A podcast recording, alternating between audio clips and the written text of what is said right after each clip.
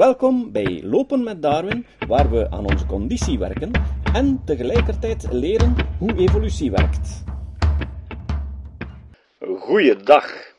Ik zal maar beginnen met je te feliciteren omdat je eindelijk de stap hebt gezet. Of beter, twee stappen. De beslissing om je leven te beteren en te beginnen lopen, en de beslissing om nu eindelijk eens te weten te komen wat Charles Darwin echt geschreven heeft. Ik weet het wel. Je wist wel dat het gezond is, maar het is ook zo'n tijdverlies, want hoeveel interessante boeken kan je niet lezen in de tijd die je anders verliest aan het lopen? En hier is dan de oplossing: je conditie opbouwen terwijl je een van de interessantste boeken uit de geschiedenis kan beluisteren. Geen paniek, we gaan rustig beginnen. In 27 lessen zullen we opbouwen van 0 tot 5 kilometer lopen. Ondertussen zullen we luisteren naar De oorsprong der soorten van Charles Darwin. In de oefening zullen we lopen en wandelen afwisselen. Ik zal ervoor zorgen dat je goed het verschil hoort tussen de loopinstructies die ik geef en de tekst uit het boek. Voor de loopinstructies heb ik mijn stem namelijk vervormd alsof het uit een oude radio komt, zoals je dat nu hoort, terwijl ik het geluid voor de tekst van Darwin zo zuiver mogelijk hou, zodat alles goed verstaanbaar is. Ik zal je telkens vertellen wat je moet doen, zodat je je van je trainingsprogramma niets hoeft aan te trekken. Ik laat je ook weten wanneer we halfweg de training zijn, zodat, als je op een weg of pad loopt, weet wanneer je moet terugkeren. Beginnende lopers hebben de neiging om te rap te lopen. Dat is niet de bedoeling. Het is geen wedstrijd. Je moet proberen te zoeken naar je ideale tempo, zodat je deze oefening volledig kan uitlopen. Ah ja, en ik ben ook vergeten om mezelf voor te stellen. Ik ben Jozef van Giel en ik onderhoud de podcast Kritisch Denken. Daar kun je misschien naar beginnen luisteren als je gedaan hebt met dit boek. Oké, daar gaan we dan. Heel rustig. Deze training zal maar 18 minuten duren. We beginnen met 1 minuut lopen. Start! Voorbericht van de vertaler. On the origin of species by means of natural selection or the preservation of favored races in the struggle for life by Charles Darwin is de titel van een boek dat bestemd is om een nog grotere beweging in de gemoederen der natuurkundigen te verwekken dan eens door de principles van Charles Lyell werd veroorzaakt. Het is een boek dat bestemd is om aanleiding te geven tot strijd en wisseling van gedachten, tot hartstochtelijke aanvallen van de ene kant en onverschrokkene verdediging van de anderen. Het is een boek dat een licht zal ontsteken in de wetenschap der natuur, zo schitterend dat het velen zal verblinden, zodat zij de ogen zullen sluiten om zijnen goed niet te zien, maar ook zo zuiver dat het anderen zal dienstig zijn om een diepen blik te werpen in de geheimen der bewerktuigde natuur, die ons omringt. En stop! Niet stilstaan, maar vanaf nu gewoon één minuut wandelen. Je ziet wel dat we rustig beginnen, hè? Geen wonder dus dat mij het verzoek van de uitgever deze vertaling om het werk van Darwin voor een niet-Engels lezend publiek verstaanbaar te maken, zeer welkom was. Immers, het is een groot genot voor degenen dien het om waarheid te doen is, een diepen blik te mogen slaan in de denkbeelden van een man als Darwin. Van iemand die, als V. Humboldt zijn kosmos, zijn Origin of Species, niet schreef dan na een leven doorgebracht in dienst der wetenschap, niet na over het hoofdonderwerp van het boek meer dan 22 jaar te hebben nagedacht, niet dan na vele feiten verzameld, proeven genomen, waarnemingen gedaan, geleerden geraadpleegd en tegenwerpingen opgespoord en omgestoten te hebben. Eén minuut lopen, nu! Waarlijk, geen verstandig man zal dan ook met minachting durven nederzien op de vruchten van zoveel studie en zoveel ijver, op de besluiten van zulke redeneringen en op de uitkomsten van zulk een leven voor de zaak der wetenschap. En toch, reeds boven zeide ik het, Aangevallen zal het boek worden van vele kanten. Slechts enige weken geleden verscheen het in het licht en reeds vindt men beoordelingen, niet slechts uit Engeland alleen, maar ook uit Duitsland, uit Nederland en uit Frankrijk. En die stroom van beoordelingen begint pas te vloeien. Hij is nog verre van verwijderd van het punt waar hij zal vloeien in de oceaan der vergetelheid. Ik geloof dat het mij niet ten kwade geduid zal worden, als ik hier een korte schets van de inhoud en van de leerstellingen die in dit boek verkondigd worden geef. Stop 1 minuut wandelen. Niet alle lezers zullen terstond op het eerste gezicht de titel verstaan. Men beschouwe het volgende als een korte verklaring daarvan. Niemand twijfelt eraan dat de rassen der dieren en planten kunnen veranderen. Het klimaat, het voedsel, de woonplaats en vele nog onbekende oorzaken doen de soorten splitsen in rassen. Zij wijzigen onophoudelijk de kenmerken der laatsten. Dat is zeer bekend in de tamme staat, omdat de mens zijn huisdieren het best kent, maar ook is dat zo in de natuurstaat. De grootste en algemeenste oorzaak echter aller veranderingen is de natuurkeus. Dat is, de natuur zoekt steeds zulke wijzigingen, die door de ene of de andere oorzaak als het ware toevallig ontstaan zijn, uit, en beschermt zulke vormen, opdat zij zich voortplanten.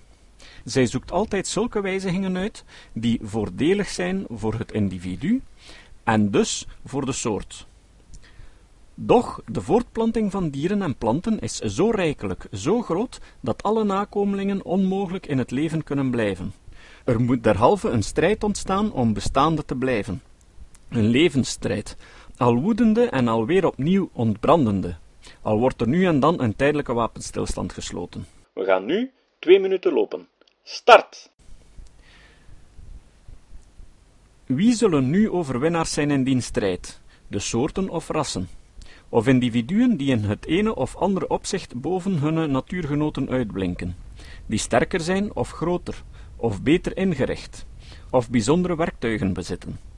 Die zullen zich vermeerderen, en doordat de natuurkeus juist de zulken onophoudelijk uitkiest, hopen de wijzigingen zich op in een bepaalde richting. En er ontstaan vormen, zeer van die der stamouders afwijkende. Zo ontstaan er blijvende bevoorrechte rassen, welke hun afwijkende kenmerken op hun nakomelingen overdragen, zodat men dikwijls niet meer weet of men een soort of een ras voor zich heeft. Nog één minuut. Die nieuw gevormde, bestendige rassen zijn allen zeer vruchtbaar, en dikwijls nog meer dan de stamouders tot veranderingen geneigd. In welke graad de afwijkingen van een grondvorm reeds in korte tijd mogelijk zijn, leren ons onze huisdieren en tuinplanten. Daar de mens voor de verandering die hij bedoelt altijd zorgvuldig zulke individuen uitkiest, die in de door hem gewenste richting het verst van de grondvorm afwijken, verkrijgt hij in de betrekkelijke korte tijd van bijvoorbeeld honderd jaren zulke grote uitkomsten als de natuur in geen tien of honderdmaal langere tijd weet voor te brengen. Doch ook in de natuurstaat blijkt wat er met een tijd mogelijk is. Wandelen. Goed zo. Nu heb je wel twee minuten rust verdiend. Vinden wij dus dat op deze weg binnen honderd of duizend jaar toevallige wijzigingen tot blijvende rassen en deze uiteindelijk tot soorten kunnen worden, dan zijn er slechts honderdduizenden jaren nodig om uit die soorten geslachten en familien en enige miljoenen jaren om daaruit orden en klassen te doen ontstaan. En dat er geen gebrek aan tijd is, leert ons de geologie overtuigend. In diezelfde tijd was het natuurlijk aan de dier- en plantenvormen mogelijk zich over de gehele aarde te verspreiden. De veranderingen der oppervlakte, der warmte, het zich verplaatsen van planten en dieren binnen bepaalde omtrekken, hebben de bewerktuigde wezens gedwongen om ene en andere levenswijze te voeren, om verbindingswegen tussen landen en zeeën op te zoeken, die op verschillende tijdstippen geopend of gesloten geweest zullen zijn. En zo zijn dus alle schepselen die op aarde leven terug te brengen tot enige, het zij vier of vijf diervormen, het zij vier of zes plantvormen. Ja, misschien zijn alle bewerktuigde wezens ontstaan uit één grondvorm, uit één prototype. Dit weinige zij ter verklaring van den titel genoeg. Die het boek wil verstaan, lezen en bestuderen het in zijn geheel. Ik herhaal het, hij lezen het gehele boek geen doorbladeren, geen broksgewijze lectuur. Het verkrijgen van een helder inzicht in de handelingen der natuur is wel een gezette studie waard. Doch, er is meer nog waarom het boek geregeld gelezen moet worden. Die hier en daar een brok leest, verstaat onze schrijver niet, of hij verstaat hem verkeerd. Zie daarvan een voorbeeld in das Neues Jahrbuch für Mineralogie, Geognosie, Geologie und Petra Faktenkunde van V. Leonard en H. G. Bron, Ersten Heft 1860. Twee minuten lopen. Start. Tenminste, indien wij hier niet aan ene opzettelijke verdraaiing der woorden van onze schrijver, aan ene opzettelijke valsheid mogen denken, wat het bekende karakter van een schrijver van die beoordeling ons schijnt te verbieden, daar zegt die schrijver het volgende. Een van beiden is waar. Of zijne, Darwins, leer is verkeerd en betreft het niet meer dan de gewone veranderingen, die elkeen kan zien, of zij is goed en de veranderlijkheid is ene onbegrensde, dat is, er bestaat geen schepping der bewerktuigde wereld, dat is, de natuurkracht is gevonden, waardoor de bewerktuigde wereld ontstaan is, en het geloof aan ene schepping kan gemist worden. We zijn al halfweg deze training. Zijn er tien of vijf of drie of ook slechts twee verschillende grondvormen van planten en dieren geweest, dan moet er ook ene schepping geweest zijn. Is er slechts één grondvorm geweest, dan moet ene soort van priestleïsche groene materie, die nog geen bewerktuigde soort voorstelt, het punt van uitgang der gehele bewerktuigde wereld zijn geweest. Nog één minuut. Nee, dat zegt Darwin niet. Daar schijnt ene beschuldiging van materialismus in te liggen, en dat is ene onverdiende beschuldiging, horen wij eigene woorden van Darwin. Ik geloof dat alle dieren afstammen van ten hoogste vier of vijf stamvormen, progenitors, en de planten van een even groot of kleiner getal. De analogie zou mij ene schrede verder kunnen leiden, namelijk tot het geloof dat alle dieren en planten afstammen van enkele grondvorm, een prototype. Doch de analogie is geen veilige gids. Kom aan, volhouden. Desniettemin, alle levende wezens hebben zeer veel met elkaar gemeen in hun scheikundige samenstelling, in hun kiemen, in hun celweefsel, in de wetten van hun wasdom en voorttelling. Wij zien dit in de omstandigheid dat hetzelfde vergif dikwijls op gelijke wijze planten en dieren aandoet, of dat het vergif van de galwesp gelijke uitwassen verwekt op de wilde roos en op de eikenboom. En weer wandelen. Daarom zou ik voor de analogie genoopt worden om aan te nemen dat waarschijnlijk alle bewerktuigde schepselen, welke ooit op aarde geleefd hebben, afkomstig zijn van een eerste vorm, een grondvorm waar het leven eerst door de schepper was ingeblazen. Zo spreekt geen materialist, zo spreekt de denker, die niet schroomt zijn gevoelen te zeggen, al strijdt het tegen oude denkbeelden en ingewortelde vooroordelen. Ook zegt hij zelf, als voorzag hij hoe de kwaadwilligheid zijn denkbeelden zou trachten te verwringen. Ik zie geen enkele reden waarom de leer, in dit boek verkondigt, de godsdienstige gevoelens van den een of anderen zou kunnen schokken. Een beroemd schrijver en geestelijke schreef mij dat hij al voorlezende geleerd had in te zien dat het een even edel denkbeeld van God hebben is, te geloven dat hij enige, weinige vormen schiep, geschikt om zichzelf te ontwikkelen en te veranderen in andere en noodzakelijke vormen, als te geloven dat hij telkens een nieuwe schepping moest doen ontstaan, om de ledige plaatsen te vullen, die door de werking zijner wetten waren opengevallen. Maar genoeg hiervan. De lezer zelf oordelen. Men bestrijde de leer van Darwin met eerlijke wapenen. Zij heeft voorzeker nog haar zwakke punten. Du choc des opinions jaillit la vérité. En het is voorzeker om de waarheid te doen uitkomen dat eerlijke lieden strijden. Laat ons de zaak van alle kanten bezien, en ons niet verschuilen achter holle klanken, zoals het scheppingsplan, de eenheid van het doel, enzovoort. Daarom ook, zegt Darwin, Ofschoon ik ten volle overtuigd ben van de waarheid van alles wat ik in dit boek heb gezegd, verwacht ik toch geenszins oude natuurkundigen te zullen overtuigen. En tenslotte zullen we één keer drie minuten lopen. Start! Mannen, wier hoofden vol zijn van ene menigte feiten, allen beschouwd gedurende ene lange reeks van jaren uit een oogpunt geheel en al tegenovergesteld aan het mijne.